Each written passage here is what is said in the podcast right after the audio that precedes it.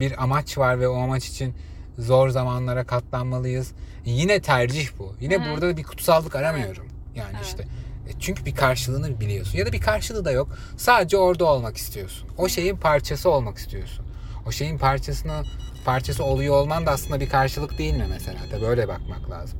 Biz genelde bu işte karşılık beklemeyi de kültürümüz çok böyle kötü bir şeymiş olarak gösterdiği için ama beklemeyi herkes kafasının içinde bunu zaten yapıyor ama Ama dile bunu, bunu dile getirmek ya da buna göre davrandığını belli etmek, bu dürüstlüğü göstermek kötü bir şeymiş Ayıp gibi. şey. Ee, halbuki yani işte karşılıksız sevgi ben de mesela bazen postlarımın altında kedi köpek postlarının altında yazıyorum unconditional love diye. O kadar da unconditional değil.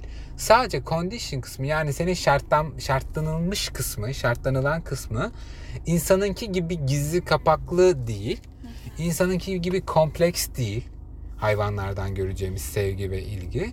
Daha basit, daha net, belki daha dürüst. Çünkü bizim kadar konuşamadıkları ve bizim kadar düşünmedikleri için belki de e, bizim kadar da yalan söylemiyorlar. o yüzden e, unconditional'dan ziyade daha dürüst bir sevgi belki de. E, tabii bu insanda yok mu? Yok var. Yani ben kendi çevremde bu tarz ilişkiler kurmaya çalışıyorum. E, arkadaşlıklarımda, ortak yaptığım projelerde, yakın arkadaşlarımda hep dürüst olmaya çalışıyorum. Tabii hep dürüst olmak umarım bu arka plandaki müzikler gelmiyordur. Trafik var çünkü. Neyse gitti. Ee, çünkü dürüstlük üzerine kurduğunda temelleri her söylediğin herkesin hoşuna gitmiyor. Gitmiyor. Ee, o zaman da işte bu duvarları yıktıktan sonra işte fedakarlık, karşılıksız bir şeyler yapmak falan bunları yıktıktan sonra aksine sen gerçekten bir beklentin olmadan davranmana rağmen insanlara çoğu zaman e, insanlar bunu e, önemsemiyor. Çünkü sen onlara o ortalık başka ilişkilerinde kurduğu o yalan güveni vermiyorsun. Hı hı. Ve sen sana karşı hep e, tedbirli olmak zorunda Evet, hep bir hissediyor. Acaba. Halbuki tam tersi yani asıl senden bir şey senin ne yapıp ne yapmayacağın belli.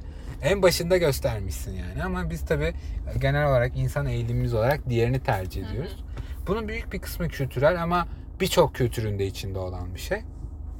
Daha direkt e, olmayan birçok kültür var bizimki gibi. E, ne yazık ki bu da onun parçası. He bu işte direkt olmamak belki nezaket noktasında bir şey getirebilir. E, Daha insanların birbirine daha nezaketli davranmasına ama burada görmemiz gereken asıl burada görmüyoruz. Evet. Yani e, ihtiyacımız olan insanlara karşı inanılmaz inanılmaz e, hiçbir şey beklemiyormuş gibi onlar için onları gerçekten çok seviyormuş gibi davranıyoruz karşılıksız. Ama hiç işimiz olmayan insanlara karşı da hiç işimiz olmadığı için onlarla inanılmaz kaba davranabiliyoruz.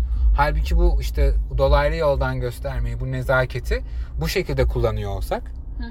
gerçekten o zaman belki bir işe yarar direkt olmamak bu anlamda. Evet, bu konuda bence ben sana çok katılıyorum. Ee, gerçekten hiçbir işimizin olmadığı, hiçbir e, bağımızın olmadığı insanlara inanılmaz kaba davranabiliyoruz bu durumda. M- Muhammed Ali'nin çok güzel bir sözü var. Boksör olan. Sınıf arkadaşımız sınıf arkadaşımız olan değil. Ee, eğer birlikte aynı masaya oturduğum kişi masaya gelen, hizmet veren kişiye Hı, kötü evet. davranıyorsa hı. E, bilirim ki onun yerine ben olsam bana da öyle davranacaktı. Evet. E, ya da daha eski bir söz. Belki Epiktetus'un sözüdür emin olamıyorum. Ama e, orada da şey diyor.